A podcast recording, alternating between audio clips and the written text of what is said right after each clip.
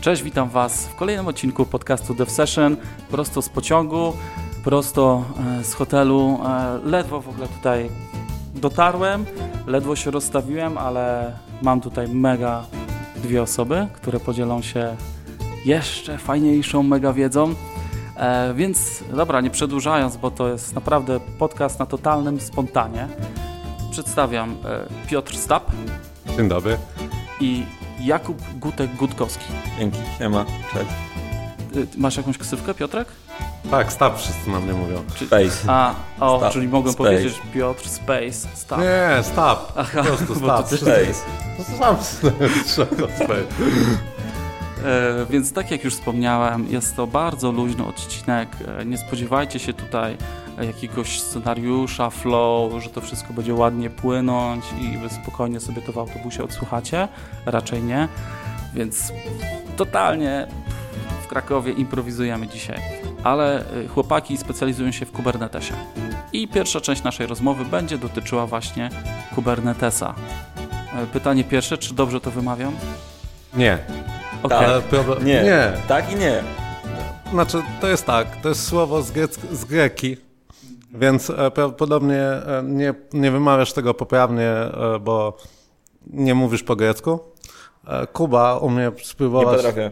No spróbuj, naśladuj to słowo. No. Pytał Greka, to umie. No. Nie, ja się nie pytałem. Ja się pytałem kolegi, który się pytał Greka. No. I który... Kibitis, kibitis, kibitis, Coś takiego. No właśnie. Nie okay. jest to Kubernetes, nie jest to Kubernetes, Kubernetes. Ani nie Q, Kubern. Nie, nie, nie. Nie, nie na pewno nie. Więc nie, wymawiaj jak ale, chcesz. Ale, ale na tyle dziwnie się to wymawia, że jak to usłyszał e, znajomy, to nie wiedział o czym mowa. Okej, okay, czyli Kubernetes, tak polsko twardo mówimy. A no, no z dużym naciskiem na ry. Dobra, słuchajcie, znacie taką ideę z tych książeczek, jak wytłumaczyć dziecku w, w 5 minut czy w kilku słowach co dane pojęcie technologia oznacza? Znacie taką serię? Tak. Dobra, to teraz... Okej. Okay. No ty zaczynasz. Ja widzę, że tak. Piotr dzisiaj na wszystko... Tak, tak, tak. No to bo się nie zgadzamy, jak okay. zwykle z Kubą. No. Dobra, to, to ja dla odmiany wezmę teraz Gutek. A, jak Dawaj. to wytłumaczyć? Wytłumacz. Wyobraź sobie, że tu taki, wiesz, mały bobasek, jako ja siedzę. I... Jest to ten wózek, którym ty dostarczasz swoje samochodziki z jednego pokoju do drugiego, żeby je rozstawić po dywanie tak, jak ty chcesz. Okej. Okay. Dobra, już sobie to wyobraziłem.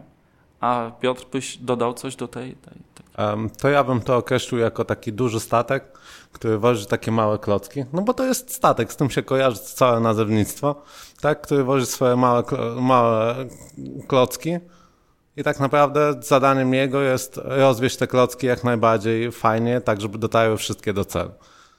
Hmm, a jak widzę statek i te klocki, to ja widzę przed oczyma Dockera. To jest no blisko? i dobrze. Dobrze? I dobrze. Jestem, tak naprawdę... jestem w dobrym porcie? Ale to teraz, dlaczego jak widzisz statek i klocki, dlaczego widzisz Dockera? Bo, na, bo ludzie szczerze. na blogach i w social mediach najczęściej jak pisali o Dockerze, to umieszczali takie grafiki. Znaczy, widzisz, bo to są tak naprawdę całe ten nazewnictwo, które tam obowiązuje, tak, przy konteneryzacji Dockerze, to są, zaczynają być dowcipy samych, same z siebie, tak? W sensie tak, sami sobie robią jaja do, dowcip z dowcipu, z dowcipu, z dowcipu, tak? I e, tak naprawdę jak, e, okej, okay, no ten, ten pierwszy Docker powstał jako, nie wiem, to ty Kuba chyba pamiętasz, e, skąd to pierwsze się po, powstało, ale no przyjmijmy, że to miała być idea takiego Pracownika, faceta, który pracuje w dokach, dokach. W dokach i przewozi nam kontener, tak Nie, nie zajmuję, pracuję w dokach, dlatego tak. jest docker, bo to jest ten, który przygotowuje tobie te kontenery na, na do, dostarczenie, no przygotowuje kontenery, żeby były gdzieś wyrzucone. E, a jest pracownikiem doków zajmujący się obok kontenerami, czyli to, co ty piszesz, całe to e, Docker tak naprawdę daje ci API, żeby się posługiwać tymi kontenerami, które są już w systemie bo kontenery istnieją od dawna w Linuxie, to nie jest nic nowego. Nowego jest to, że poszła stała firma o nazwie Docker, która stwierdziła, mamy fajne API, będziemy z tego korzystać. I to była nowość, takie wow.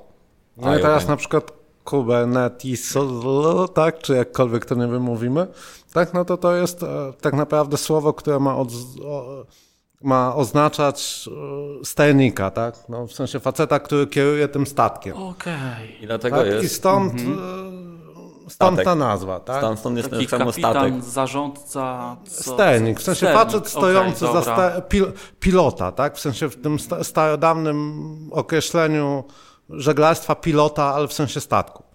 Tak i stąd no, nazwa powstała, tak, no bo to jest dowcip tego, a w środku mamy na przykład poda, tak, który tak naprawdę znowu jest dowcipem. Em, Jak jest ten całe logo Dockera, to jest taki wieloryb z klockami na górze, jak Jest. sobie zobaczysz. I on jest takim kółeczku. I to kółeczko to jest pod.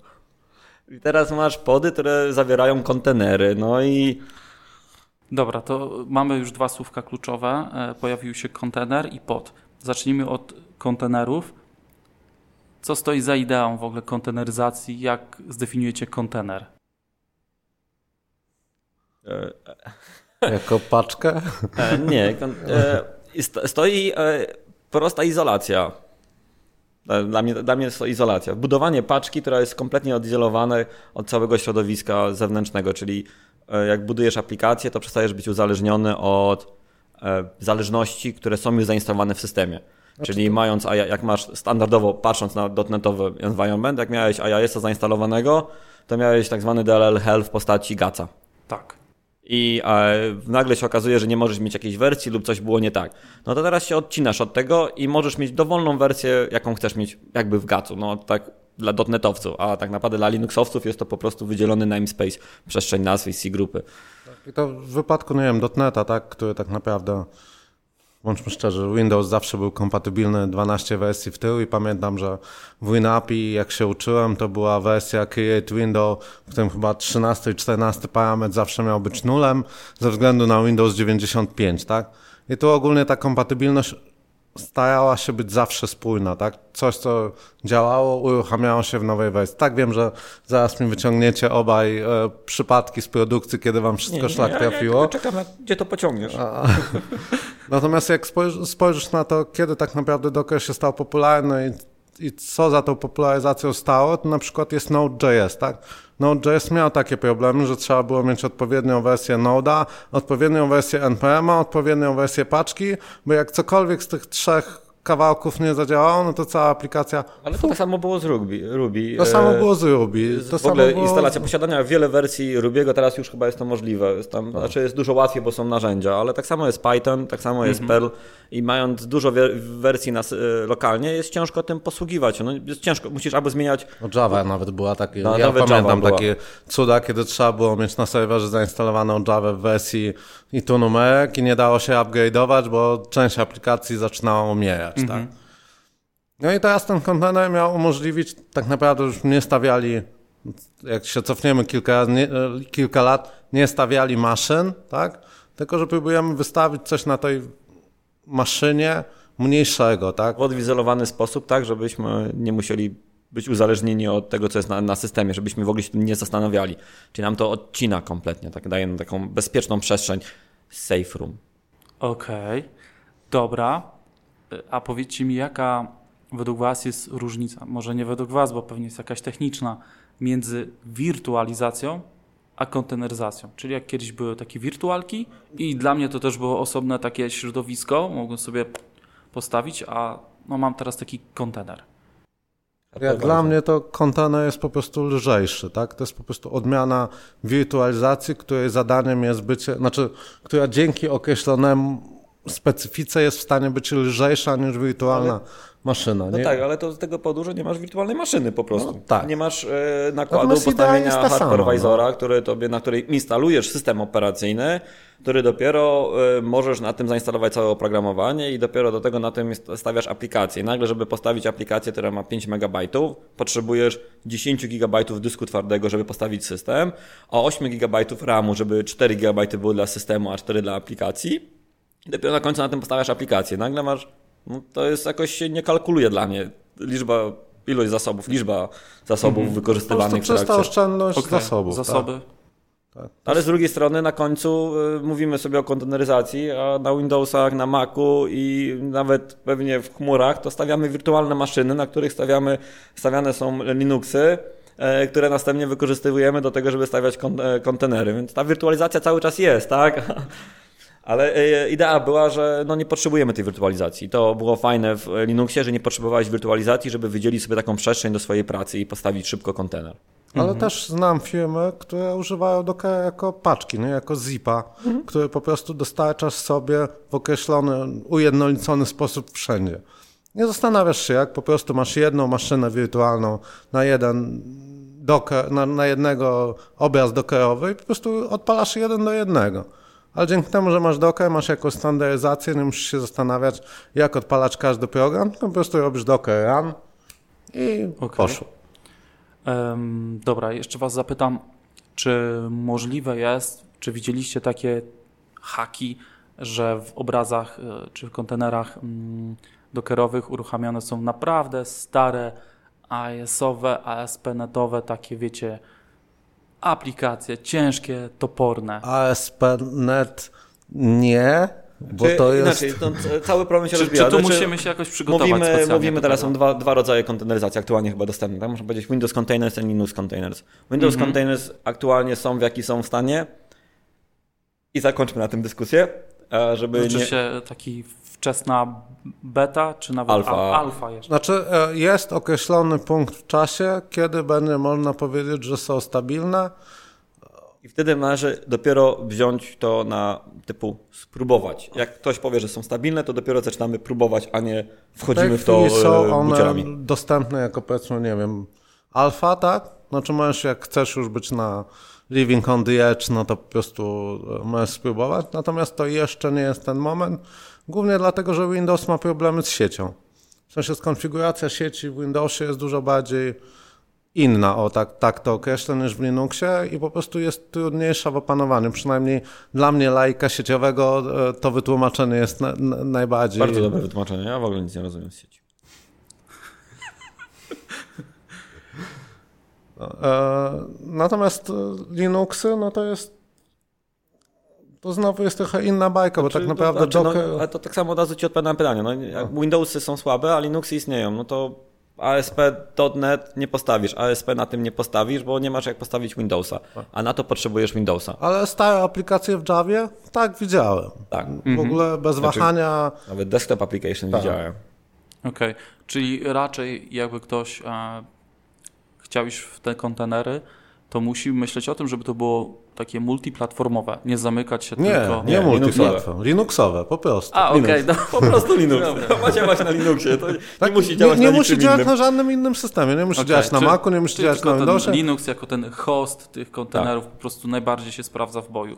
Znaczy nie, to jest jedyna, jedyny system operacyjny, który ma to wbudowane, więc na tym można Okej. postawić. Dopiero Windows zaczął to Czyli Windows to wprowadzać. sobie adoptuje, jakoś próbuje... Próbuje, y, próbuje zrobić to samo mniej więcej, co zrobił y, Linux, tylko y, tworząc nowe API i tworząc mm, tak naprawdę nowy sposób korzystania z systemu Windows. Nawet nie wiem, jak oni to robią tak naprawdę. Nie, nie pytaj, ja tam. W Linuxie to można przynajmniej przeczytać, jak to jest robione i jest wytłumaczone, jak działają sieć, I- jak działa i wszystko. A Linux- tutaj W Linuxie to w ogóle nie jest tak, że to jest nowa rzecz, która została właśnie odkryta, A. tak? Tylko w Linuxie to jest, Docker jest po prostu czymś, co wykorzystuje API istniejące tam od lat. Od lat, tak? To tam. Nie Czyli wiem, po nawet nie, nie chce mi się zgadywać. Wyczaił, że to może być dobre do właśnie... Znaczy, udostępnił przyjazne dla programistów API. Tak Przypadkowo to zadziałało. No, jak, Ale to jest... Snowball e, effect. Czyli to jest dla open source? Czy to jest projekt komercyjny? Ktoś za tym stoi aktualnie? E, Stoi firma Docker. A, ale okej, stop, bo mówimy o konteneryzacji. Konteneryzacja to nie firma Docker. Okej, Koniec, to jest kropka. jakaś tam idea i, Je, tak e, dalej. jedna z implementacji. Teraz aktualnie jest chyba Rocket, jest jeszcze jest tego, tego tyle, że to można pewnie o, osiwieć. Ale powstały do tego stopnia, jest tego tyle, że powstały nawet instytucje ustandaryzujące kontener runtime i e, API do dostępu do ko- kontenerów, tylko po to, żebyśmy inne aplikacje mogły, mogły wykorzystywać te kon, e, kontenery runtime w sobie, a żeby nie za każdym razem pisać osobnego providera w zależności od dostawcy, tylko żeby to ujednolicić, żeby było jedno wspólne API. I dlatego e, w Kubernetesie możemy wykorzystywać dowolnego providera e, Pod warunkiem, że spełnia jakiś, jakiś, Jakiś tam standardy, tak. Dobra. Ale i tak 99% świata Ale powie Docker, Docker, tak? bo Docker, został, do, Docker to rozpromował. Docker Tak. stał się pierwszym, dlatego wszyscy Docker i bardzo często jak, się, jak ktoś mówi Docker, to myśli konteneryzacja. No ja mam właśnie jako taki powiedzmy laik w tym temacie, nie? kontenery, Docker i, i koniec, tak? I ten Wally i to wszystko. No to powiedziałeś ale, jeszcze ale czegoś nowego. szufladkowanie. Ale to jest stara technologia, to nie jest nic nowego.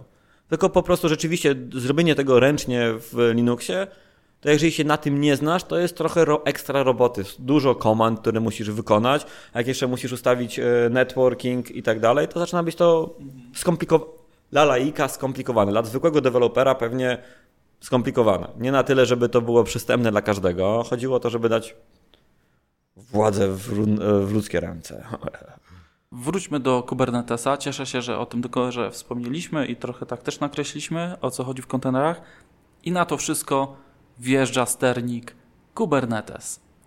I teraz, y, no jaka jest, y, może jeszcze nie, nie przejdę do wad i zalet, bo dajmy tak, rozgrzejmy ten temat jeszcze trochę. Y, Idea za tym wszystkim, sterować, Em, zarządzać kontenerami, tak? Ja mam Jak taki przykład, to- teraz niestety nie mogę pokazać slajdów, więc będzie trudniej. E, Natomiast e, cała idea jest tak naprawdę trochę dla mnie wynika z historii oprogramowania. Tak? W latach 90. mieliśmy takie spaghetti code.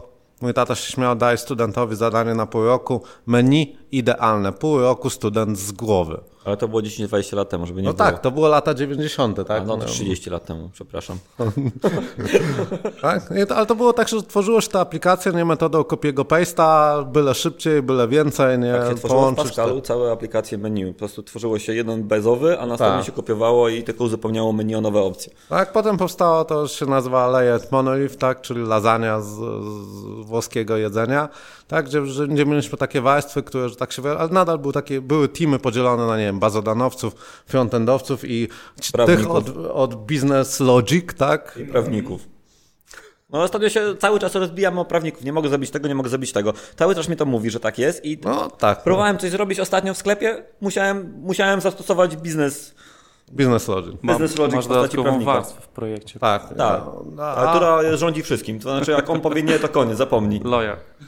no, a e, na samym końcu, tak teraz jesteśmy na etapie to z, znowu z włoskiego jedzenia ravioli, tak, gdzie mamy takie małe kluseczki pomieszane w sosie ze wszystkim, tak, tam jest jeszcze niestety trochę lasagne, trochę spaghetti jeszcze do, dołożone. A gdzie sos nie doleci, to znaczy tak- taki e, martwy punkt sobie tam wisi, taki mikroserwis, do którego nikt się nie dostaje, nawet o tym nie wie, że ten mikroserwis sobie tam I leży. teraz kwestia jest taka, że jak, nie wiem, te 20 lat temu aplikacja sprowadzała się powiedzmy, że do WordPressa, nie? Czyli e, serwera www i baz danych, nie? No to deployment tego jest prosty. Jesteś w stanie to zrobić. się dyskietką i tyle. Ta, tak, jesteś w stanie to zrobić w nocy, o północy, jak instalujesz tą aplikację regularnie, no to po prostu bezmyślnie, tak? A teraz masz aplikację, która się składa z 60 mikroserwisów, 80 mikroserwisów i weź nad tym zapanuj, tak? Zapanuj nad tym, jak to jest zbudowane, jak to się łączy, e, która wersja czego w którym miejscu jest. Nagle się okazało, że e, w DevOpsie tak, to, to, taka niby ideologia, która teraz strasznie zmieniła znaczenie na takich koleś, co klepią kod, nie? DevOps 3.0. E, to e, w DevOpsie tak zaczęły powstawać straszne spaghetti code, żeby coś takiego zrobić, nie? Żebyś zainstalował, wiedział, co się dzieje.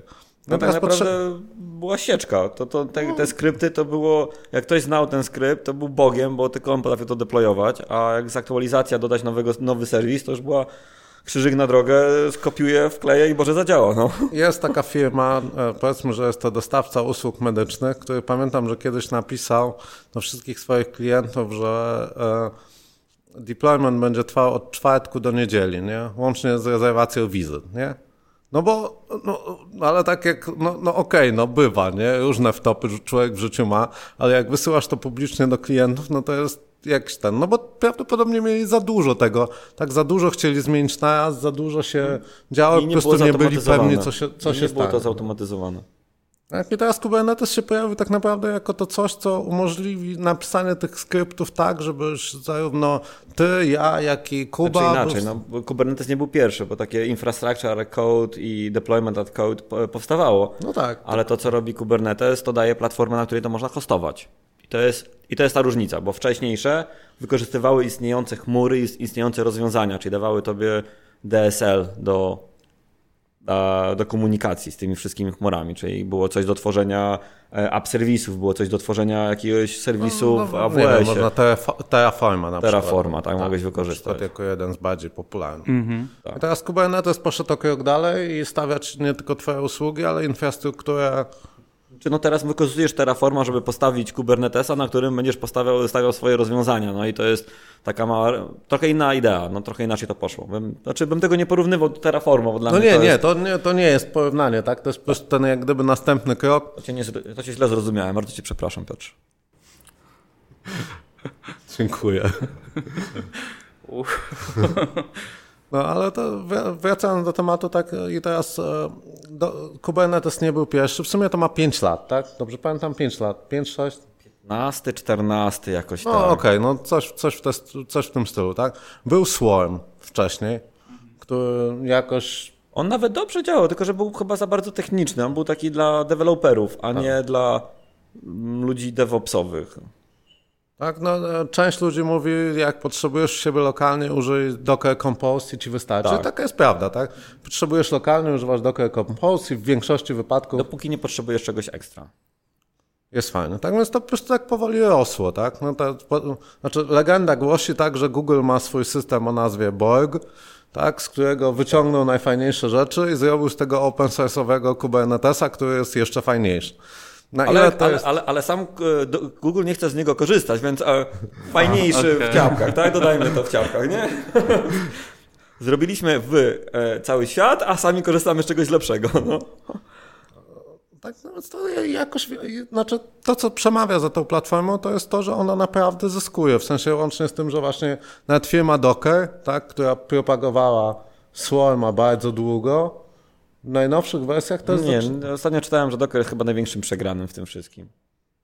no, możliwe, no ale no, nawet już ona... Bo miał, miał, miał prawie monopol. Mieli wszystko, mogli zrobić coś super fajnego i dali trochę... A wyszło na to, że mamy Kubernetesa, nawet jak zainstalujesz Można sobie. Dockera lokalnie? Można klnąć. No, no spoko, powstrzymuję się, nie będę... Byłoby za dużo przecinków. Nagrywamy na już jest po 19. Już dzieci poszły spać. Nie, jeszcze nie. Teraz jeszcze jest motyla noga, przepraszam cię bardzo. To jest dobranocka. dobrze, to motyla noga. Su- Słuchaj Piotr, y, ucinam ten temat, bo, bo ja chcę wrócić do jednej rzeczy. Wspomniałeś, że ktoś tam miał 60 mikroserwisów. Po co komu tyle To mikroserwisów? jest mało. Przecież a, a jakby nie było tych mikroserwisów, to nie byłoby takich problemów. Ale, nie? Wiesz co, to ostatnio żeśmy mieli taką wewnętrzną dyskusję. Jeżeli ci wyszło z projektu, że wyszły, wyszedł ci dobry monolit, Mhm. to zrób monolit. Znaczy z, z, dyskusji, z dyskusji na temat wymagań i całego tego takiego biznes modelingu wychodzi, że to ma być monolit, to jest to dobrze monolit, zaprojektowany nie? monolit. Tak, mikroserwisy są tak naprawdę, ja się śmieję, to jest odwzorowanie organizacji znowu, że masz te małe zespoły, każdy chce mieć swój kawałek. Nawet ja się Pizza, czasem pizza śmieję, że każdy deweloper chce mieć swój kawałek. E, I tyle, nie? I stąd masz te serwisy, tak? Mikroserwisy, tak? No bo jak każdy deweloper zacznie mieć swój kawałek, który kocha, pieści, w ogóle przytula na dobranoc, no to coś To musi... nigdy go nie wypuści przecież i nigdy nie będzie release'u, bo będzie ca- cały czas modyfikował, dopóki nie stwierdzi, że jest idealny kod. No właśnie jest mało, Ale jak nie? tylko To- napisze linijkę kodu, to już wie, że jest, nie, jest, nie jest idealny, bo napisał linijkę kodu, którą musi zmodyfikować następnego dnia. Ale dobra, tak możemy ciągnąć cały dzień. Jest, jest tego tak naprawdę jakoś, jakoś te mikroserwisy się pojawiły. Tak? To nie, nie, nie obaj, znaczy tu chyba się z Kubą zgodzimy nawet.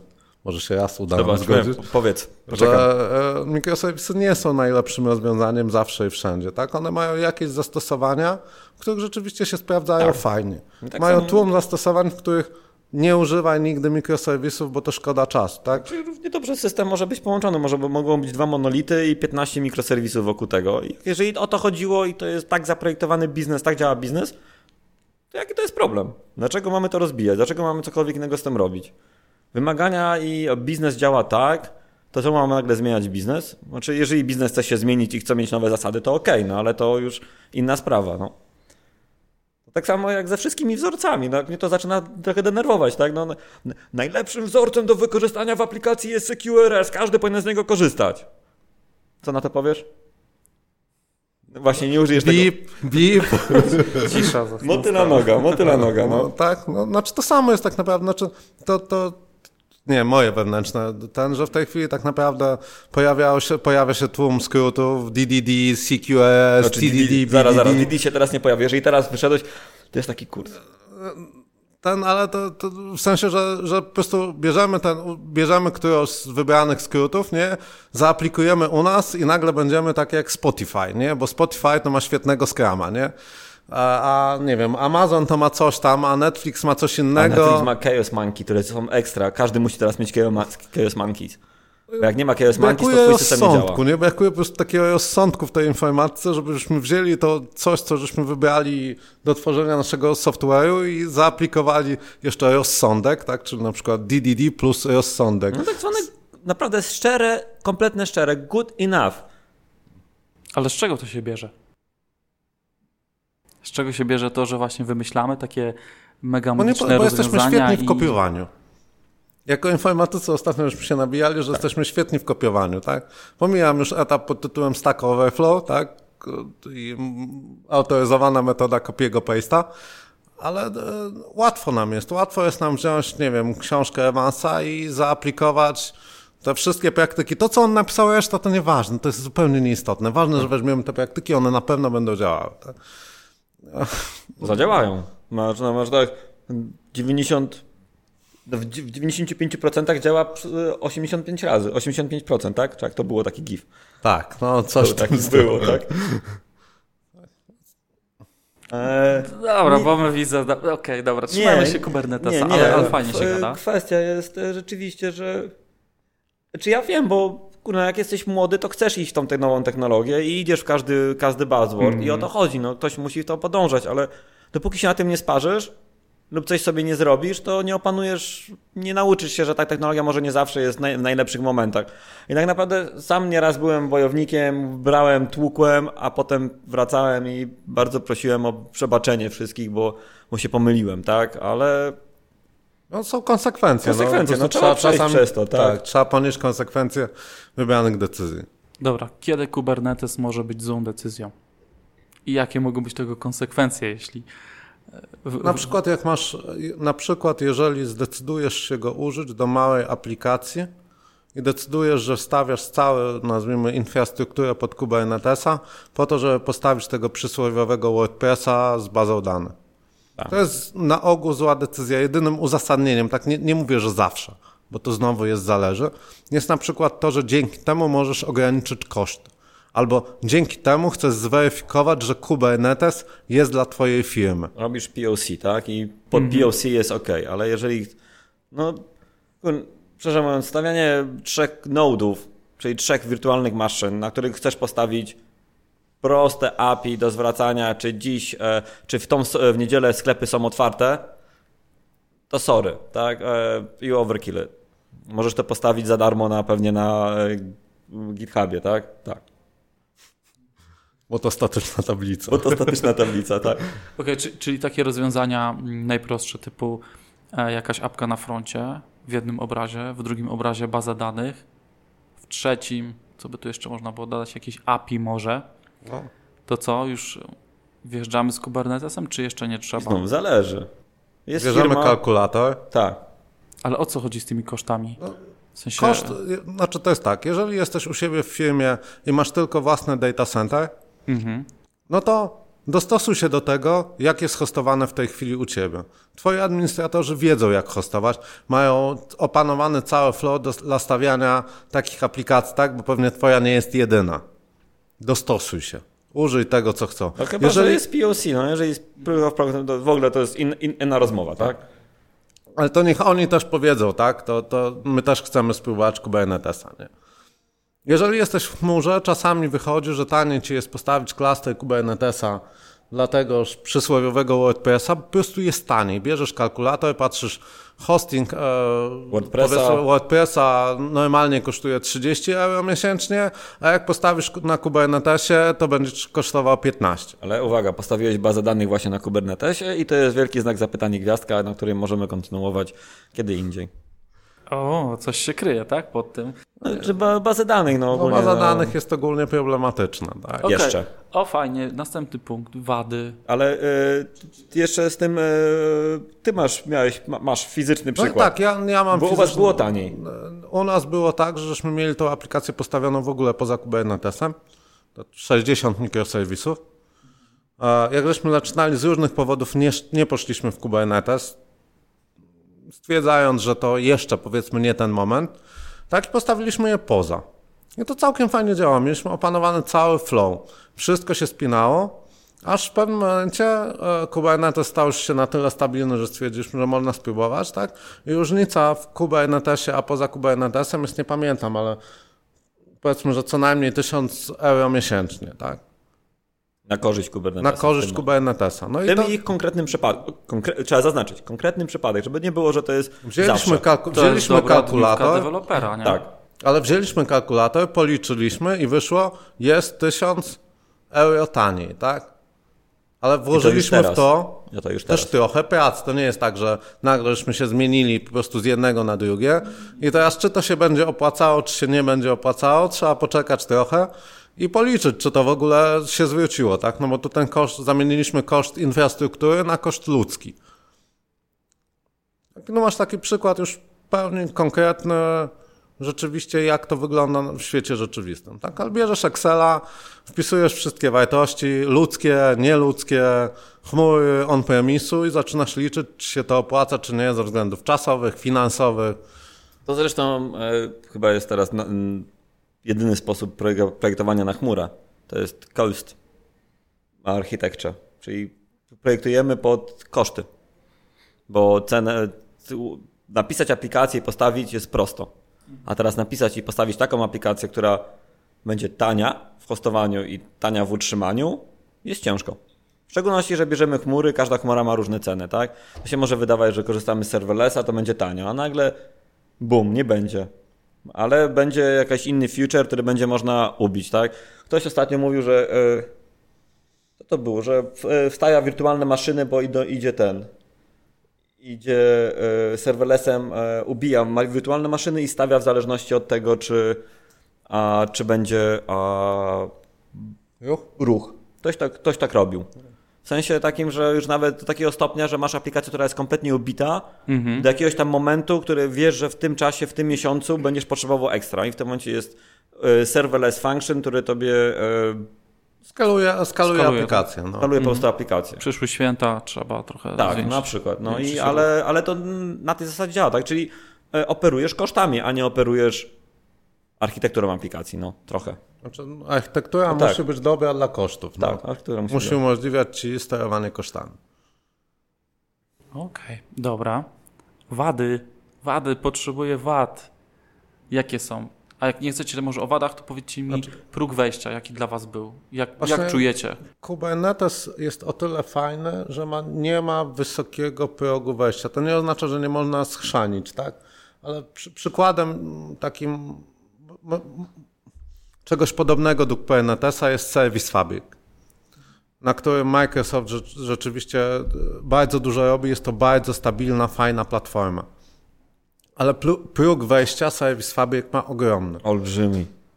To całe to API, to jest cały w ogóle framework. I to jeszcze narzucasz całą technologię tak naprawdę rozwiązania i e, ok- określone API, w którym musi się posługiwać. To musi cały zespół posługiwać i każdy supportujący tę aplikację musi się tym posługiwać. To już jest dla całego zespołu olbrzymi, e, olbrzymi koszt. Zyski są duże, nie? Zyski żeby są nie duże, było. tak. Tak, tylko Bardzo fajna potrzebujesz technologia. mieć specjalistów. Tak, z Kubernetesem jest teoretycznie prościej, w sensie Dużo prościej jest. dużo prościej, bo on nie narzuca. On w zasadzie e, się definiuje Kubernetesa przez to, czego on nie narzuca. Tak, on nie narzuca sposobu deploymentu aplikacji, znaczy sposobu tworzenia aplikacji, systemów logowania, monitorowania i tak dalej. On ich nie narzuca. Część Okej, rzeczy taki ułatwia. transparentny powiedzmy jest o tego, jakie Część rzeczy ci daje. Daje ci, jest ale- bardzo dużo pluginów, które dają ci jeszcze Pod więcej. sensem nie narzuca, mówi, że to e, ty masz zrobić tak, jak ty chcesz, Mhm. tylko pamiętaj, że pod spodem istnieje ten, działa to na kontenerze i ten kontener będzie gdzieś hostowany. Więc jeżeli coś ci pójdzie nie tak w twoim projekcie, no to sorry, Kubernetes ci, ja ci w tym nie pomogę jako Kubernetes, tak? To Czy to- najwyżej będę go restartował co chwilę. A czy to nie prowadzi do jakiegoś takiego trochę bałaganu, w sensie, że nawet jak rozmawiacie z kimś, to nie ma takich wzorców, które wiemy, że nie zawsze są dobre czy złe, bo każdy robi tak jak chce, bo jakby Kubernetes nic Wiesz tam... bałagan to zawsze możesz Chyba, że dobre już tak? jakieś, To jakieś nie- dobre to praktyki ma- może się wykształciły, nie? Które tam... Nie, czy nie ma, no tworzysz aplikację. Inaczej, do, dobra praktyka. Dostaniesz w tyłek, jak napisałeś aplikację, która nie jest w stanie się skalować. Czyli na przykład masz broadcasting, jakieś wiadomości i nagle zeskalowałeś aplikację do pięciu instancji i pięć instancji tobie przetwarza tą wiadomość i następnie zapisuje do bazy danych. I nagle masz duplikację lub tryplikację lub cokolwiek w tej bazie danych.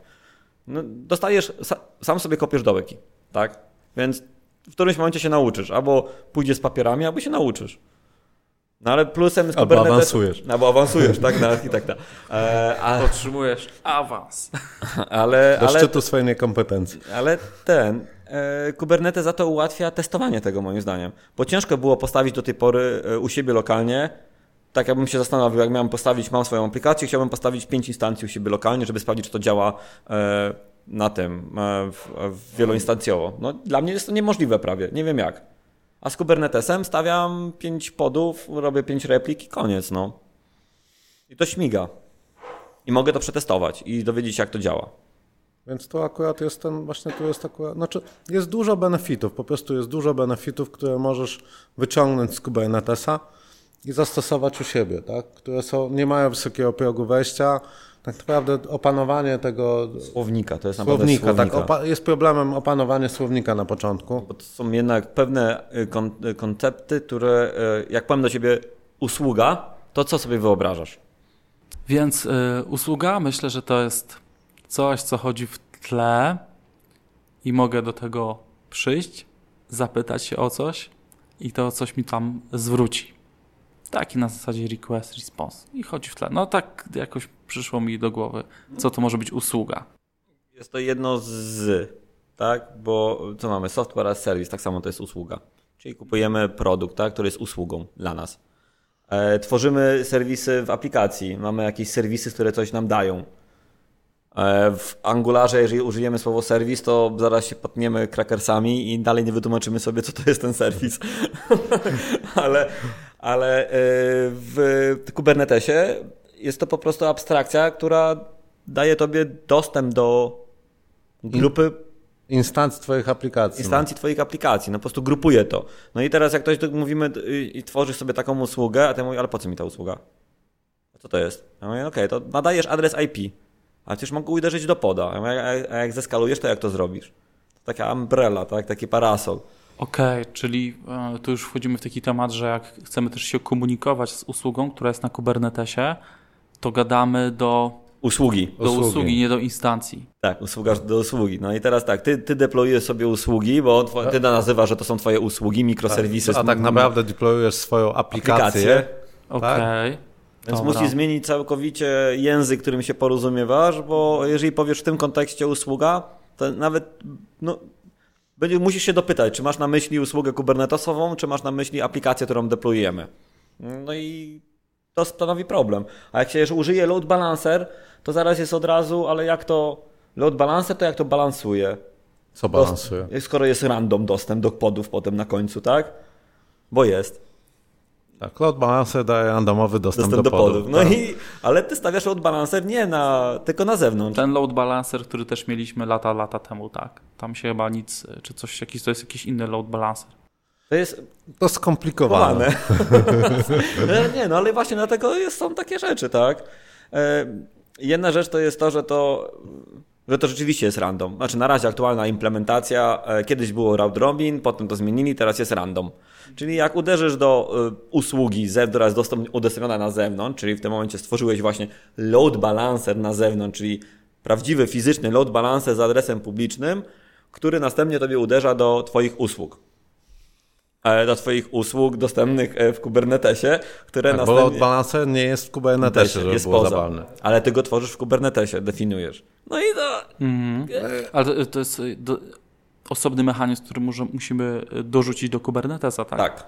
I to jest, Okej. jest API do tego. Ale mówimy Kubernetesowi, że mamy taki load balancer zdefiniowany, tu go masz, tu jest jego definicja, on tak działa. Znaczy nie, mówimy, stwórz nam load balancer. Znaczy, ale wcześniej musimy powiedzieć Kubernetesowi, że masz dostępny jakiś, to, to coś fizycznego albo wirtualnego, do czego ten Kubernetes, z czym ten Kubernetes się będzie komunikował, tak? Mhm. To właśnie jest chmura. Tak, no w chmurze jest łatwo, bo to tam jest jakaś usługa, a w on-premise jest to jakiś... To sam zainstalować, sam to skonfigurować i połączyć to z Kubernetesem. No, to, czyli to, i to, już wiesz, takie, takie rozmowy o takich prostych aspektach, czasami w zależności od, od osoby, albo to szybko ktoś załapie, albo jest taka taki mindblow, bo jak to, ja korzystam z load balancera, jak on to ma jakie działać? Ty mówisz mi random? Przecież to nie jest load balancer, jak to jest random. No trochę właśnie chciałem zapytać właśnie, bo może randomowo uderzać y, do jednej naszych 10 usług przez godzinę i ją Tak. e, zabić No bo tak mówi random. No. tak jest, no, tak Ale z różnych random, powodów, mówiąc szczerze, nieznanych mi, Round Robin został wycofany na korzyść Znaczy, randoma. no, no. został wykorzystany, bo- bo to było dodatkowy software, który był instalowany na Kubernetesie, przez który to wszystko przechodziło. No i teraz to ma zostać zmienione. Ma to zostać zmienione. Ale aktualnie to jest IP tables, czyli wchodzisz i randomowo bum. Ale potem, jeżeli masz keep alive, to jest trzymane. Okej. Działa. Ale no, teraz tak podsumowując, tak, bo żeśmy weszli w jakieś bezsensowne no, internale Kubernetesa. No tak, ale to pokazuje tylko tą... Tak, no pokazuje, tak, no, ale w sensie jak masz taką osobę, która zaczyna, no to ona zaczyna od pewnego kopiego paste'a, tak? I ten, ten język opisujący ten Kubernetes jest, jest prosty, w sensie jesteś w stanie z jakimś tam nakładem, no w ciągu tam, powiedzmy, nie wiem, tygodnia, dwóch w miarę opanować bez żadnego problemu tak naprawdę, co jest napisane. Nie twierdzę, że, zno, że, że to już oznacza, że jesteś mistrzem świata Kubernetesa, nie, No, aż tak nie jest. Wykorzystujesz koda i templatki, tak? Ale właśnie, Okej. ale to jest ogólnie do opanowania w dość krótkim terminie, tak? Czyli jeżeli masz już firmę, w której jest ten Kubernetes, Teraz mam pytanie. Czy napiszesz definicję poda z palca? Tak, z użyciem Google'a, No właśnie. I snippeta. tak, albo snippeta, I tak. są snippety, tak, są, są, żeby pomagać. Ale Czyli mamy wsparcie jakieś. Kuba takie tam. napisze definicję poda z palca, bo jest Tak. hardcorem. Ja nie, Kuba nie używa snippetów i IntelliSense. używam. Używam. Ale IntelliSense mi przeważnie nie działa. Ale to, ale to właśnie chodzi o to, że jak już masz, to, to, to ostatnio gadałem ze znajomym, który jest takim naprawdę już kubernetowcem, e, z Wojtkiem Bajczyńskim, który e, mówi, że u niego w firmie on po prostu oni zmuszają tych ludzi do, do poznania tego Kubernetesa i to ogólnie im idzie całkiem sprawnie. Tak rzeczywiście ci ludzie są w stanie opanować wejście w Kubernetesa. Tak? Są po prostu do tego lekko przymuszeni, ok, ale oni mają już tego Kubernetesa wszędzie, wiedzą jak nim zarządzać, umieją sobie się, się nazwijmy to, radzić sobie z błędami, więc nie ma problemu, żeby wszyscy go poznawali. Tak? Oczywiście w nowej firmie, kiedy chcesz zacząć tego Kubernetesa od zera, no to pewnie sytuacja jest inna, trudniejsza, nie wiem. No ja zaczynałem od zera i pamiętam do tej pory, że znienawidziłem w ogóle Ażura na początku, to 2016 jakoś rok. Znienawidziłem, bo jak nic nie działało, żadna komenda mi nie działała. A następnie podpięcie się do tego Kubernetesa z kubectl było dla mnie tragedią. Nie udało się. Potem jak to już opanowałem, bo to opanowałem, w którymś momencie w końcu zaczęło mi działać. Ponieważ mi działać. E, to miałem kłopot y, z rozumieniem podów, serwisów, e, deploymentów i tych wszystkich elementów i to potem jakoś zaskoczyło. I jak miałem zespół, który przychodziliśmy i e, przychodziły nowe, kolejne osoby do projektu, to też miały te same problemy. I każda z nich musiała spędzić, odbębnić swój czas. To niezależnie od tego, czy ja im tłumaczyłem, czy nie. Potem każda musiała usiąść i sobie przeprocesować to wszystko, spróbować dwa razy, popełnić kilka błędów i potem to wychodziło. I potem zaczęli to To łapać. jest chyba taki normalny w ogóle tok poznawania nowych rzeczy. No, trzeba na początku po prostu Tak, ale tak samo pewien z, poziom su- i to... Super sprawa jest, jeżeli w tym momencie ktoś ci zwróci uwagę, lub, znaczy zwróci, pomoże ci lub wytłumaczy, dlaczego tak się dzieje. Bo czasami ty po prostu coś robisz i to, y, stwierdzisz, że to działa lub nie działa, a ktoś ci mówi sobie, dobrze chciałeś, tylko że w tym wypadku powinieneś zastosować to ze względu na A, B, C, D i D. I w tym momencie ta osoba ma, aha, to mi zaklikało, tutaj mi zaklikało, tam mi zaklika, to zaraz stworzę coś innego. Ale to, to się przydaje po prostu ktoś na miejscu. Zawsze tak jest, no, ale to tak jak mówiłeś, tak, każdej technologii potrzebujesz na starcie jakiegoś tam To zresztą chyba Sebastian Gębski ostatnio udowodnił w, Tak. na swoim blogpoście. Tak, on zatrudniał kolesi do Elixira, Elixira. którzy nie potrafili programować w Elixirze. I dwa miesiące, jest po dwóch miesiącach eksperymentu i, i udało się. No, i- ale to jest chyba e, fajna sprawa, bo podejrzewam, że ci goście, gdyby mieli sami siąść i próbować na własną rękę się go uczyć, bez wsparcia mentora, osoby z doświadczeniem, Szans. E, nie uzyskaliby takiego nie, nie efektu. uzyskali. Nie? A to ja mówię swojego doświadczenia. No. Ja próbowałem, ja kiedyś szukałem pracy w Elixirze, sam się uczyłem. Teraz pewnie już nic nie napiszę w tym Elixirze, bo prawie w ogóle go nie dotykam. Możesz spróbować u Sebastiana. Mogę spróbować u Sebastiana. Szczerze bym poszedł, bym z chęcią pewnie poszedł. Na staż. Na staż. Czemu by nie? Świat stoi przed tobą otworem. Tak, na zmianę, ale nie, kompletnie szczerze. I brakowało mi tego. Brakowało mi osoby, która mi wytłumaczy pewne aspekty, które e, e, może niekoniecznie dla mnie były zrozumiałe, bo ja dopiero wchodziłem w ten świat. Więc dla mnie mm, niektóre rzeczy, na przykład z Rubiego, to ludzie mówili, o to to działa tak, to od razu powinien za- zajarzyć. Ja mówię, "E, z Rubiego to ja kurna, nic nie znam. Wiem tylko, że to mi nie działa na Windowsie. No i pa, pa, cześć. Czołem, nie ma o czym gadać. Tobie nic nie działa na Windowsie, więc tam... To jest, y, ale to o czym mówimy, to jest właśnie trochę, mm, przeszliśmy do tematu nauki, nauczania, sposobu i Tak. no, moglibyśmy zaraz zacząć gadać o, o kursach i tak dalej. E, Temat, można powiedzieć, na topie mocno, jeśli chodzi o, o nasze polskie IT, ale no, ma swoich zwolenników i przeciwników, ale ja wiem, czemu ludzie niektórzy wybierają po prostu kursy. Właśnie to, o czym mówicie. On woli spędzić z osobą doświadczoną tak wprost, niż z książką bezduszną, gdzie będzie czytał jakiś przekaz y, autora, No, ale to, to- takie... To, to znowu jest skomplikowane. Tak, to jest tak? skomplikowane. Może możemy na tym gadać to nie pewnie cały zero, dzień. zero-jedynkowe, na inny tem, temat. No i tak, na, bo to będzie się rozgadamy pewnie po dwóch godzinach i dalej nie dojdziemy ale, do konsensusu. dobra, to, ale jeszcze tylko szybko zahaczę, bo wiem, że dzisiaj prowadzicie tutaj warsztaty. I Tak. jak prowadzicie warsztaty i przychodzą osoby, to właśnie powiedzcie, z czym mają największy problem na przykład? Nie, znaczy znowu jest problem, bo to chcesz zrobić generalizację. No tak? dobra, no to a dzisiaj? Dzisiaj mieliście Ale to też jest pytanie, czy to jest oni mają problem, czy mamy problem z my źle tłumaczymy. no, tak. To jest zupełnie inne pytanie. Ups. Nie, ale to jest kompletnie szczerze. Jeżeli to ci przychodzi osoba i ty jej tłumaczysz, a ona na końcu mówi, że nie rozumie, to czyja to jest wina? Twoja czy jej? Okej, No dobra, dzisiaj akurat no, poszło super sprawnie, tak? Dzisiaj Dzisiaj, poszło- poszło, naprawdę ten, ale dzisiaj z, w zasadzie wszystkie osoby, które były, coś tam już z Kubernetesa słyszały, tak? W sensie albo jest w firmie, albo Czy coś same próbowały. taki- No nie, właśnie, właśnie przyszło nam na wstęp do Kubernetesa, tak? Przyszły nam osoby, które Już mają tego Kubernetesa w firmie, nie, nie korzystają z niego jeszcze, ale chciałyby się czegoś dowiedzieć, a jednak coś tam słyszały i coś wiedzą. Tak, ale to właśnie może wynikać z tego, że w firmie mają problem ze zdobyciem wystarczającej informacji. Tak? Są osoby, które no, wielokrotnie mieliśmy na warsztatach, osoby, które nigdy w życiu nie, nie wiedziały w ogóle o co chodzi, tak i I osoby, które tak w ogóle nie wiedziały, co to jest Kubernetes, ale znały bardzo dobrze Dockera i Smorna i nagle wszystkie aspekty Kubernetesa łapały tak. Jak tylko coś żeśmy powiedzieli, to już osoba miała to rozwiązane. Okej. Znaczy, no ten background się, nie- znaczy jak masz jakiś dobry background, no to wejdziesz w tą technologię bez problemu, o ile Jasku było dobrze wytłumaczymy o co chodzi.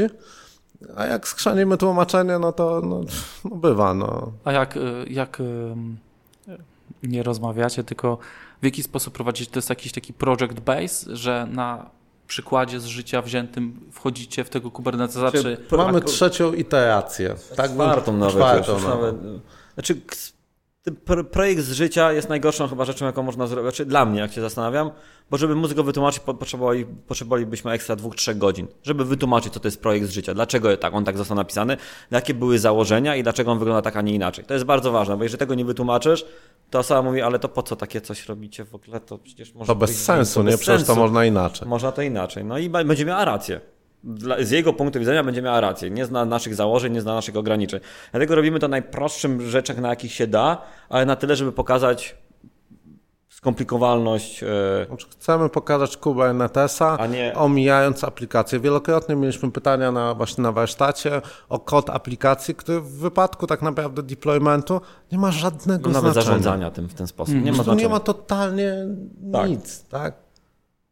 Robisz deployment, po to masz tego Dockera, Znaczy- którego jakoś uruchamiasz. Oczywiście, jeżeli byśmy rozmawiali na przykład o w jaki sposób napisać aplikację, to ona się może skalować i przyjmować wiadomości, tak? To jest zupełnie inny aspekt, wtedy możemy usiąść i zacząć rozmawiać na sposobach rozwiązania architektonicznie takiej aplikacji. Ale my nie siadamy do tego, jak, jak to napisać, tylko siadamy do tego, jak skorzystać z platformy, która ci ma umożliwić dostarczenie tego produktu.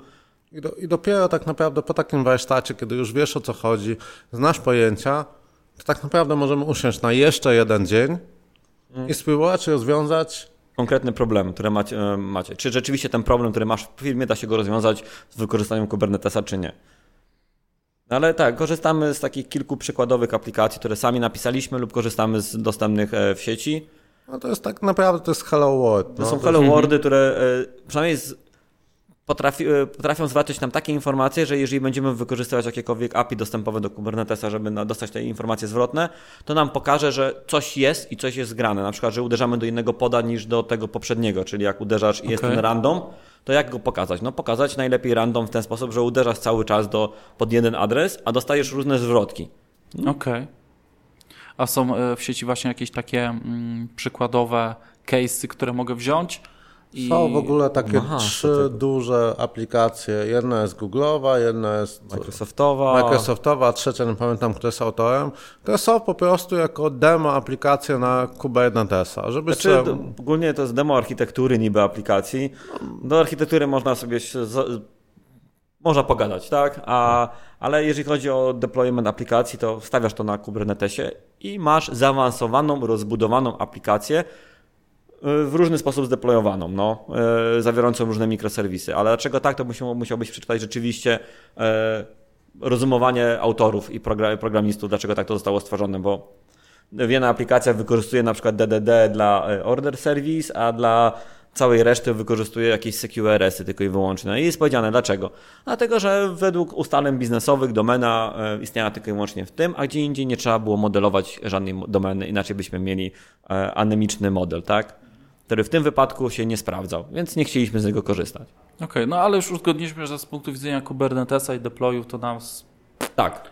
Tak, ale, ale, ale, ale znów, ale to mimo wszystko dalej ludzie chcą zobaczyć tą aplikację, jak ona działa i patrzeć na te kody i potem mówić, a to na tym się da postawić DDD, wow. No ale to Okej, y, nie wiem, czy to będzie odpowiednie pytanie, bo może już mówiliście o tym Na na, początku. E, czy ja jestem w stanie tym Kubernetesem pobawić się na Windowsie, czy raczej Tak. uderzam? Jestem w stanie. instalujesz Docker for Windows i masz Kubernetesa. A ja mam Docker for Windows, ale wywaliłem to, bo mi Klikasz wkurzało. prawem tam we Bo, bo, bo właściwości, się, mimo, tam... że odhaczyłem, żeby się nie uruchamiał z A Windowsa, tak, a, to bo się on- uruchamia. No. Okej, dobra. Tak. Em, magiczne ręce, które leczą. Nie, to dalej nie działa, to on się zawsze uruchamia. No tak. no, no. bo tak kiedyś się pobawiłem, mówię, no dobra, ale się teraz nie bawię, to nie muszę się Nie, włączyć. nie, on niestety jest popsuty. Okej. Ja potrafię. Ty potrafisz. E, nie, ale ogólnie to samo jest na Macu. rejestrze grzebiesz pewnie. To samo Nie. jest na Macintoshu. W sensie bierzesz Maca i stawiasz do, Docker for Mac i masz dostęp do Kubernetesa. Jest jeszcze drugie narzędzie, jeżeli nie, nie, nie chcesz, nie możesz korzystać z Dockera. Tak, Minikube. Się Minikube. I tak samo stawiasz i działa, tak? Znaczy jest- w sensie Docker używa po prostu Hyper-V pod, pod spodem Musi wykorzystać na na Windowsie. Windowsie, tak? A e, Minikube może Może używać Virtual. VirtualBoxa, tak? Bo VirtualBoxa, i Hyper-V i VirtualBox razem na Windowsie non-abla i się nie da. E, Słuchajcie, zapisałem sobie jeszcze punkt o logowaniu i monitorowaniu, ale nie wiem, czy jest sens teraz to poruszać. Monitorowanie właśnie nodów, podów, czy logowanie Nie. Jeszcze, jakichś no nie, zdarzeń. nie, jeszcze było chyba to pytanie, wracajmy, z czym miały e, najczęściej problemów u nas? A jeszcze E, no, no właśnie, problemów problem. u nas e, za bardzo na kursie to ludzie nie mieli. Mieli kłopot z poszczególnym zrozumieniem. Na przykład te serwisy powodowały, ale to są po prostu, bo masz jakąś wiedzę na temat serwisów i nagle coś ci próbuje zrobić. Ale tak naprawdę chyba najwięcej pytań i najwięcej rzeczy zawsze mieliśmy z logowania i z monitorowania. To był taki, O, taki punkt jest- tego, że to rzeczywiście ich najbardziej interesowało, bo interes... sądzą, że Kubernetes jest od tego, żeby to udostępnić. Bo chcą też wiedzieć w ogóle, co się dzieje pewnie pod spodem, no bo Znaczy- uruszyli całą maszynę i Znaczy może inaczej, tak? Jak masz, e, w ogóle masz, nie wiem, ileś tych mikroserwisów, tak? No bo przy, przy tym, przy tego typu aplikacji jest sens rozmawiać, tak? No to logowanie i monitor, logowanie, dobre logowanie, to jest jedyny sposób, żeby dojść do tego, co się stało. Tam chyba nawet w 12 Factor Application to jest nazwane e, event stream, e, lo- log event e, streamowy. To znaczy, że masz logować wszystko, każdy, każde zdarzenie w każdym systemie. No bo jesteś w stanie wtedy w ogóle dojść do tego, Tak. co się dzieje, tak? No bo inaczej się nie da, no. Tak, bo konfiguracja mikroserwisów w danym momencie czasu z przejściem n, przejściem n plus 1 może wyglądać zupełnie inaczej. Z różnych musisz, powodów. musisz po prostu obmyślić, jak to nawet ma zrobić, że jeżeli twoja, ktoś user wchodzi do aplikacji w- punkcie A, a twoja aplikacja następnie rzeczywiście wykonuje 10 wewnętrznych odwołań, to żeby to dziesiąte odwołanie było powiązane z tym pierwszym. No jak to zrobić? To musisz to przemyśleć na bazie projektowania systemu. Tak, e, czego ludzie sobie nie zdają No tak, sprawy, bo a potem zakład... dochodzenie do tego, gdzie, ty, gdzie Gdzie to problem. żądanie się zgubiło Tak, i do którego tak. serwisu poszło. Albo dlaczego odpowiedź była 23, skoro promocja mówiła, że ma być 21, A, nie? właśnie. Albo 15, albo cokolwiek innego. Więc to musisz jakoś to śledzić, ale to jest zupełnie inne myślenie na I- temat projektowania i- i- aplikacji. Ale Znów. i teraz rzeczywiście jest tak, że ludzie przychodzą na, no, tak naprawdę i oczekują, że Ale Kubernetes też to zrobi. to zrobi za nich. Aha, żeby powiąże to, Tak, to tak, wszystko. że a magicznie się tak. to- A tego, no nie, no tak to nie działa. No Nie nawet, napisał jeszcze nikt pluginu? żadnego? to nawet e, piszą pluginy, są pluginy dla e, e, w- a, Prometeusza, dla e, App Insightów i tak dalej, ale jednak dalej to nie jest gubisz w którymś momencie e, Co to jest? co to jest? Gdzieś to zgubisz, a jeżeli polegasz tylko i wyłącznie na, na tych produktach, a nie na swoim jakimś konkretnym rozwiązaniu, no to jak coś pójdzie nie tak, to możesz tylko rozłożyć ręce i powiedzieć, ola Boga, panie. Znaczy, żeby było jasne, one mają bardzo, na, na Ba- przykład App. Insighty mają Excel. bardzo dobry mechanizm, tylko musisz z niego skorzystać. Musisz być świadomy, że one mają ten mechanizm i z niego skorzystać. Jak z niego skorzystasz, to wszystko jest strat. To samo jest pewnie przy Prometeuszu. No, i przy wszystkich innych. No po prostu musisz wiedzieć, co masz wrzucać i gdzie masz wrzucać i jak masz wrzucać. E, ale no, jak się okazało u nas w naszym przypadku, my żeśmy zaimplementowali to, co sam nam polecałeś, mi polecałeś, e, e, głębokość odwołań i Tak. własny correlation token. Zaimpl- Zaimplementowałem to na wszelki wypadek i nagle się okazuje, że klient powiedział, dobra, fajny jest ten App Insight, ale on przechowuje zbytnio kryty, zbyt krytyczne dane personalne i nie pozwalamy Microsoftowi trzymać tego danych, ale możemy to trzymać u siebie lokalnie na jakimś Prometeuszu i tak dalej. Przerzućcie się tam. No i gdybyśmy nie mieli tego, to byśmy byli, byli, byli teraz w Tak. tym momencie w Bo, wielkiej D. znaczy Kuba użył takiego dziwnego słowa correlation token, tak? tak. Correlation token albo ID czasem się mówi Tak, correlation tak. ID, nie? No Zamiennie. u mnie w firmie żeśmy wpadli na taki pomysł, żeby po prostu to rozszerzyć o to, że wiesz, który to jest I mikroserwis on po idzie drodze. I z niezależnie od tego, czy, czy jedziesz asynchronicznie, czy synchronicznie, tak? No bo tak. Chodzi o to, że jak uderzasz tam do piątego, to żebyś wiedział, że to jest piąte zagnieżdżenie. Tak. Czyli jak teraz możesz przynajmniej sprawdzić, co było czwarte i co się działo. No. Mhm. I mamy ten ciąg. dlaczego masz 23, a nie 15 nadal? Tak, no tak, ale to nie, no ale to jest i to jest, to rzeczywiście nam pomogło szybko się zmienić, e, przestawić. Ale ludzie rzeczywiście oczekują tego od, od Kubernetesa, a to nie jest w Kubernetesie. Kubernetes jedyna rzecz, którą nam daje, to są tak zwane liveliness and readiness props. No i logi, no. Ale logi daje nam... No taki zwykły chamski dostęp do pli. O ile logujesz na konsolę, Na konsolę to masz do tego dostęp. To Znaczy, możesz jest do tego się dostać. practice. Jeżeli korzystasz z aplikacji Kubernetesa na Kubernetesie, loguj wszystko na konsolę. Po prostu loguj. Bo to wtedy jest, możesz, możesz to obejrzeć. możesz nie? to obejrzeć, możesz tego się dostać, możesz nawet ściągnąć sobie to i to będzie Okej. fajne. I przez jakiś czas będzie to trzymane, cholera wie przez jaki i ile. Tam jest jakoś ustalone. No jest ustalone, ale... No, Ale y, rzeczywiście y, y, liveliness and readiness props jest to coś fajnego, co... y, no, trzeba było wyjaśnić, co to jest. tak, zaraz to wytłumaczymy, ale kwestia jest tego, że e, to powinno być dostępne w każdej aplikacji, moim zdaniem. To, że tego nie było w każdej aplikacji jest jakąś pomyłką, bo y, aż dziwię się, że taka przydatna funkcja była tak często pomijana w tylu projektach. Readiness i e, Readiness Prop jest to coś, co nam mówi, że aplikacja jest gotowa do przyjmowania requestów. Czyli załadowaliśmy wszystkie swoje e, zależności, połączenie do bazy danych działa, mogę zacząć przyjmować e, requesty. A Liveliness mówi, ja żyję. I Okej. teraz jest tak. e, Readiness zaczyna pierwsze działać, mówi, ja już jestem gotowy, mogę przyjmować, baza danych działa. I Liveliness odpowiada, żyje, żyje, żyje, żyje. I nagle Readiness mówi, słuchaj, nie ma połączenia do bazy danych. Przerywamy Liveliness i czekamy, aż Readiness będzie gotowe, bo mówiąc w tym momencie nie możemy przy- przyjmować requestów, bo to się nie zostanie zapisane. Więc to, co robi Kubernetes, pomija tego poda i idzie sobie gdzie indziej. Po prostu gdzie indziej będzie uderzał. Tak, ale z drugiej strony, jeżeli nie masz zaimplementowanych obu tych endpointów, tak, Tak. no to nagle Kubernetes jak nie widzi liveness, no to myśli, kurna, umarł. No to go restartnę, nie? No i teraz to jest ta zasadnicza różnica, o której warto wiedzieć, tak, że jak nie zrobisz tego, no to w tym momencie Kubernetes, czy jakkolwiek inny orkiestrator będzie próbował cię restartować, tak? A to nie z tobą, znaczy nie z, nie z tą aplikacją jest problem, No, tylko z połączeniem do bazy danych. właśnie baza danych padła, nie? I to, że ją zrestartujesz 50 razy, Aplikację, to nic a nie bazę da. danych. Tak, no, tak, sama aplikacja żyje, jest z nią wszystko w porządku, tylko padła nam baza danych gdzieś tam w ogóle trzy serwerownie dalej. No. Chyba, chyba najfajniej właśnie w tym momencie wytłumaczyliście, wytłumaczyliście mi tą ideę sternika i jak to właśnie e, działa. Ale to jest jeszcze, jeszcze jest jedna chyba rzecz e, z tym wszystkim. A, bo jeżeli tego w ogóle nie ma, to w całej aplikacji, e, cała, cały Kubernetes zakłada, że aplikacja działa, kiedy zrobisz tego container run. Tak. Kontener wstaje, aplikacja działa. A wstaje on w mi- mikrosekundy. I czy jesteś od razu w stanie przy, przy, przyjmować requesty? No i teraz masz tysiące Powodzenia użytkowników za ASP.NET, tak? tak, uderzających twoją aplikację, dostających e, 500, albo nawet nie wiem co tam dostających, albo Timeouty. timeouty, no. No timeouty dostaną. No.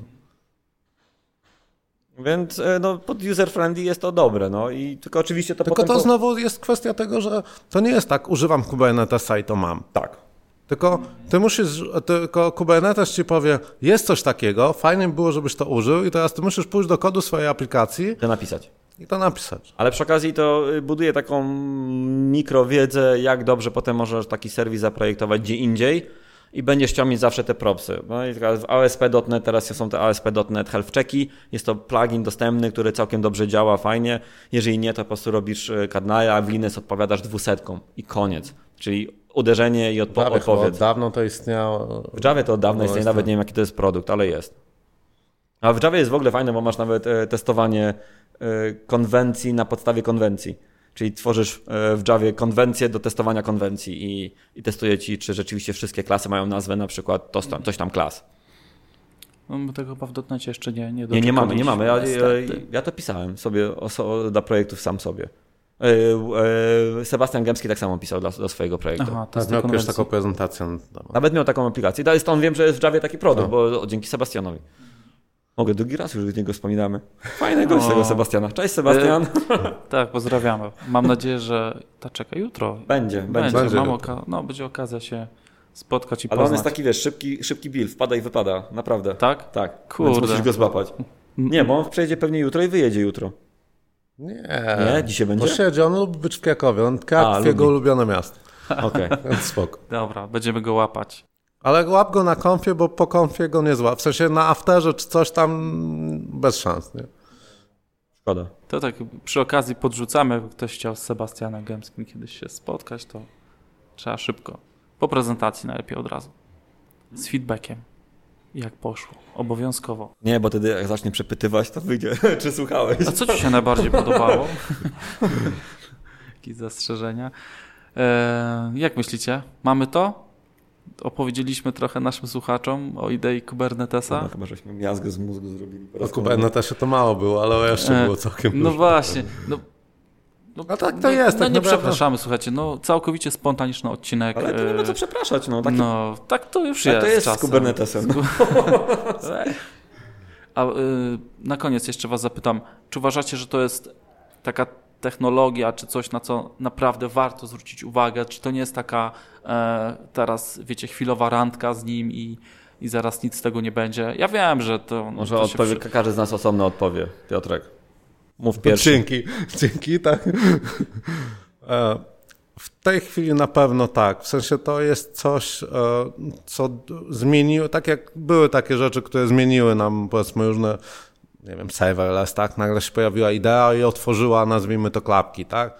E, Docker otworzył klapki, tak? Tak samo Kubernetes otwiera ci pewne klapki w mózgu i jesteś w stanie, nie wiem, czy to się utrzyma jeszcze 3 lata, 5 lat. Ale Tak. wiedza, wiedza... Ale wiedza na temat, jak te aplikacje rozproszone są zbudowane, jak Kubernetes to tak naprawdę porządkuje, tak? Bo on porządkuje ci pewną wiedzę, ustawia ci te klapki w określony sposób. Miejmy nadzieję, że dobry. Ale w jakiś opiniotwórczy pewnie, no. Tak, i na przykład właśnie te checki, tak? Jak już zobaczysz te health checki i, zrozumiesz, po co one są, to prawdopodobnie w każdej następnej aplikacji będziesz, Będziesz- tak implementował. Ja na przykład mi zawsze brakuje trzeciego, ja potrzebuję jeszcze trzeciego, czy biznesowo też jest dobrze. Nie, ale to już jest poza Kubernetesem, tak? To już jest nie ten, ale To się pytasz prawnika, a nie aplikacji. Więc to jest właśnie to fajne, że znaczy. Dobra, no, no, padło ostatnio stwierdzenie jeszcze od Łukasza Kałużnego, którego, który z nami dużo rzeczy robi, tak, że, że Kubernetes może sam w sobie nie przetrwa, No ale nie. jako język opisu wygląda na to, że jest całkiem fajny, tak, że, że zaczną się pojawiać rzeczy, które używają tego samego języka opisu. Jak Bo jest gdyby- prosty, jest zrozumiały i jest łatwo przyswajalny. Że może z tego po prostu wyrośnie Okej, standard. jakaś inna iteracja, może nastąpić inny Dokładnie produkt, ale tak. będzie oczywiście bazował. Aktualnie to, co można zaobserwować, tak? No, Kubernetes jest coraz bardziej popularny, staje się tym buzzwordem, coraz więcej firm w niego wchodzi. ale tak samo coraz więcej firm wykorzystuje go e, pod spodem, w sensie tworzy produkty bazujące na Kubernetesie. No jest OpenShift, który kompletnie zmienia, tak? Jest e, Pulmi, Plumi, Pulmi. Pulmi, tak? Które jest na Kubernetesie napisane. No jest po prostu zmodyfikowany Kubernetes, tak? Takie produkty powstają i takie będą powstawały. No i teraz jest, e, im lepiej zrozumie się podstawy Kubernetesa, to, to potem gdziekolwiek będzie łatwiej, tak? Ale to, co jest e, w przyszłości, to pewnie za kilka lat e, Aktualnie jest o. Ja, ja to lubię porównywać do Gita. Jakoś nie jakoś mi to jest. Do, dobrze mi to wychodzi w moim własnym personalnym znaczeniu. Kiedyś, jak wchodziło się do pracy i znało się Gita, to byłeś, wow, nasz Gita. Potem było fajnie, jakbyś znał Gita. Potem było wymaganie, znaj Gita, a teraz nawet się nikt nie pyta o tego Gita. Mm -hmm. No i moim zdaniem tak mniej więcej będzie z Kubernetesem. Git znaczy, Git push. E, mniej więcej stanie się to commodity, jak to na tym diagramach e, Tech Radar. Niech Tech Radar. E, Simona z, e, z Simona, tak? Na mapach. No. Na mapach to to e, powstanie po prostu naprawdę jako commodity, coś co już każdy zna, są best practices, jak z tego korzystać i tak dalej, więc mm -hmm. nie ma co się nawet zastanawiać. Powszechne po Powszechne jest będzie. po prostu. I to będzie powszechne. I tylko, że teraz, żeby to stało się powszechne, to trzeba przeszkolić odpowiednio dużo ludzi, e, tą wiedzę rozpowszechnić, żeby oni to zrozumieli, e, a następnie e, kolejne pokolenia, pokolenia, kolejny rok deweloperów będzie już to przyjmował bardziej naturalnie, tak? Znaczy, Ale... Jeden, takim główną, faj, faj, znaczy fajnym featurem Kubernetesa jest to, że jak opanujesz te podstawowe komendy Kubernetesa, to operujesz tak samo, nie wiem, w Azure, w AWS-ie, w Google, no, w on tak? tak? Jest Czyli kilka na starcie, których musisz tak. sobie skonfigurować, żeby nazwijmy to mieć połączenie do tego Kubernetesa, ale potem cała reszta jest to samo. Jest to samo, tak? Oczywiście są tam, nie wiem, w Azure jest taki feature, a w Google tam, jest no, inny feature, ale 90% tego, co zrobiłeś, jest identyczne. Ale to, to daje ci. Nie wiem, czy to daje przenaszalność. Nie, nie chcę od razu powiedzieć, że to daje przenaszalność, bo, bo pewnie nie, ale przynajmniej e, daje ci język opisu, którym możesz się posługiwać w różnych chmurach, w on-premisie też i nie masz z tym problemu. Jako, pewnie jako produkt, jako produkt to będzie commodity i w którymś momencie to umrze, tak? Albo będzie już na tyle popularne i na tyle rzeczy będzie budowało na tym kolejne rozwiązania, że to już nie będzie w sensie. No w sensie to tak te warstwy te działają, tak? Coraz bardziej budujemy abstrakcję, abstrakcję na abstrakcji i, i mamy coraz nowsze to abstrakcje, ale... Ty... Tu też y, tak na pewno to się zgodzę, że to może przejść do takiej wiedzy powszechnej jak alfabet, powiedzmy. Pytanie, co, bo Google za tym stoi, tak? Google?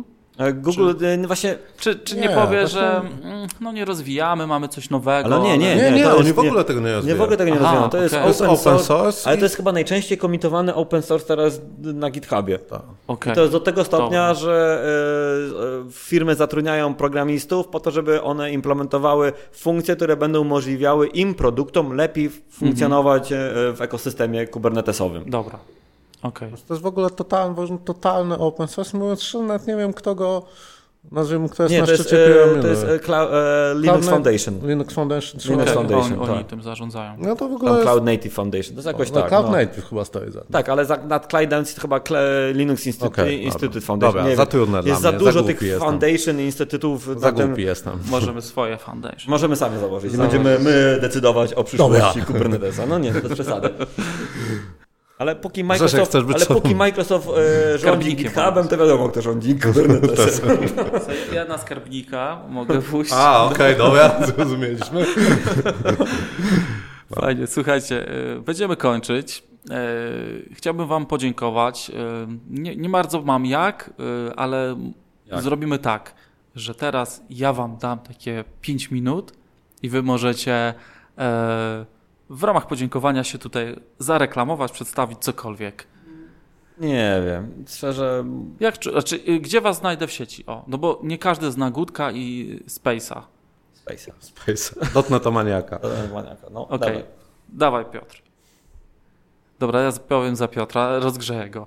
E, Piotr opiekuje się Dotentomaniakiem, to jest taki nasz polski portal e, związany z dotnetem, gdzie użytkownicy wrzucają swoje artykuły, taki Reddit, ale po polsku. Nie wiem, czy dobrze. No, niech będzie. To bardzo miło słuchać, więc słucham. Że Reddit, e, tam tak, z dotnetem artykuły e, lądują. Twitter?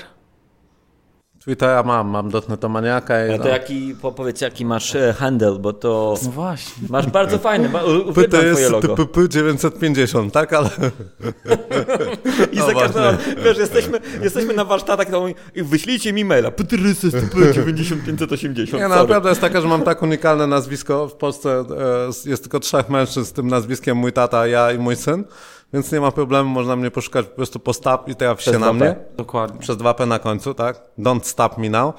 E, jakby ktoś miał wątpliwość, ale przez e, A, a nie przez O. e, jesteśmy też, znaczy od jakiegoś czasu prowadzimy taką Inicjatywę Poznaj inicjatywę. Kubernetes. No. Poznaj Kubernetes, tak? W ramach niej robiliśmy darmowe warsztaty. E, Nawet teraz, te warsztaty częściowo były z tej inicjatywy tak samo. Tak, a jeszcze właśnie prowadzimy obaj takie coś, co się nazywa dev warsztaty, Mhm. czyli takie warsztaty, co odbywające się w soboty za darmo dla deweloperów. No to już chyba w całej Polsce, licząc chyba Trójmiasta. Nie ma miasta, Nie ma Grzesiek Trójmiasta. mi się kiedyś zgłosił, Pra- zobaczymy co z tego pracuję, będzie. e, Pracuję nad tym. E, Ale jest to bardzo fajne. W sensie, ile to już 50, 50 e, warsztatów żeśmy już zrobili. No. Znaczy nawet nie my, bo tak naprawdę większość to są ludzie, zajebiści ludzie z Krakowa lub z Katowic lub z Wrocławia, którzy tak naprawdę Rzeszów ciągną. jeszcze jest. Rzeszów, tak, którzy ciągną te warsztaty jak nie wiem co, aż, aż miło na to patrzeć. Ale dalej w Warszawie, jak tylko robimy, to mamy fulla. No. Więc tu jest ten. No i, i od jakiegoś czasu prowadzimy taką właśnie inicjatywę Poznaj Kubernetes.pl, łatwo zapamiętać, e, z której tak naprawdę wyjdzie jakiś, no, planujemy jakiś kurs online. No planujemy. No będzie w listopadzie będzie, Będzie, kurs będzie. online, tak? Ale to nie ma co wyjdzie, tylko może wyjdzie, tylko wyjdzie. No wyjdzie, już musi wyjść. Wyjść. Tak, Kupiłem już ten glas, pamiętaj. ludzie, ludzie już nam zaufali, więc, Aha, i potem dogadamy tam te mikrofony, czy wam więc pożyczyć. rzeczywiście ludzie już nam zaufali. Zagadamy, co? E, no. A Gutka to można, spiszesz Gutek, jak Piszesz nie Gutek. Nie, na właśnie nie możecie wpisać Nie? Gutek, bo jest... Gutek nie, Films. Miałem duży kłopot. E, Jest kilka problemów. Jest Gutek Film, ale to prób biedy. Ja byłem zawsze, uwielbiałem swojego gadu-gadu, bo do mnie za, zagadywały dziewczyny. Siema Gutek, byłeś wczoraj zajebisty. E, wiem, dzięki. No, nie wiedziałem o co chodzi, tak? Ale ciągnąłem rozmowę. I się okazało, że moje koncerty były całkiem zajebiste. No, bo jest Gutek raper, a więc e, bardzo często mylili mnie z tym raperem, więc to było bardzo miłe. E, dalej mnie mylą na e, Instagramie, dalej mnie mylą, więc e, jestem... Znaczy ten raper dalej To rapuje. jest Guba Gutek Official się nazywa. A, kurczę. Dalej rapuje. Nie, spytam się, e, co twoja druga połowa. Nie wiem. Nie musi wiedzieć o tych wszystkich moich e, dziewczynach z koncertów. E, nie, żartuję. Adgutek, adgutek i gutek.pl, a blog.gutek.pl, tam można mnie znaleźć najczęściej. A chociaż na blogu coraz rzadziej, jednak coś tam pisałem ostatnio. E, Facebook Gutkowski Jakub, a, ale Twitter chyba najczęściej, mimo wszystko. Okej, okay. dziękuję wam bardzo. Więc e, to był bardzo spontaniczny odcinek o Kubernetesie, nagrywany na wielkim, wielkim spontanie naprawdę. Kiedy ja tam wczoraj się odezwałem, a może coś nagramy.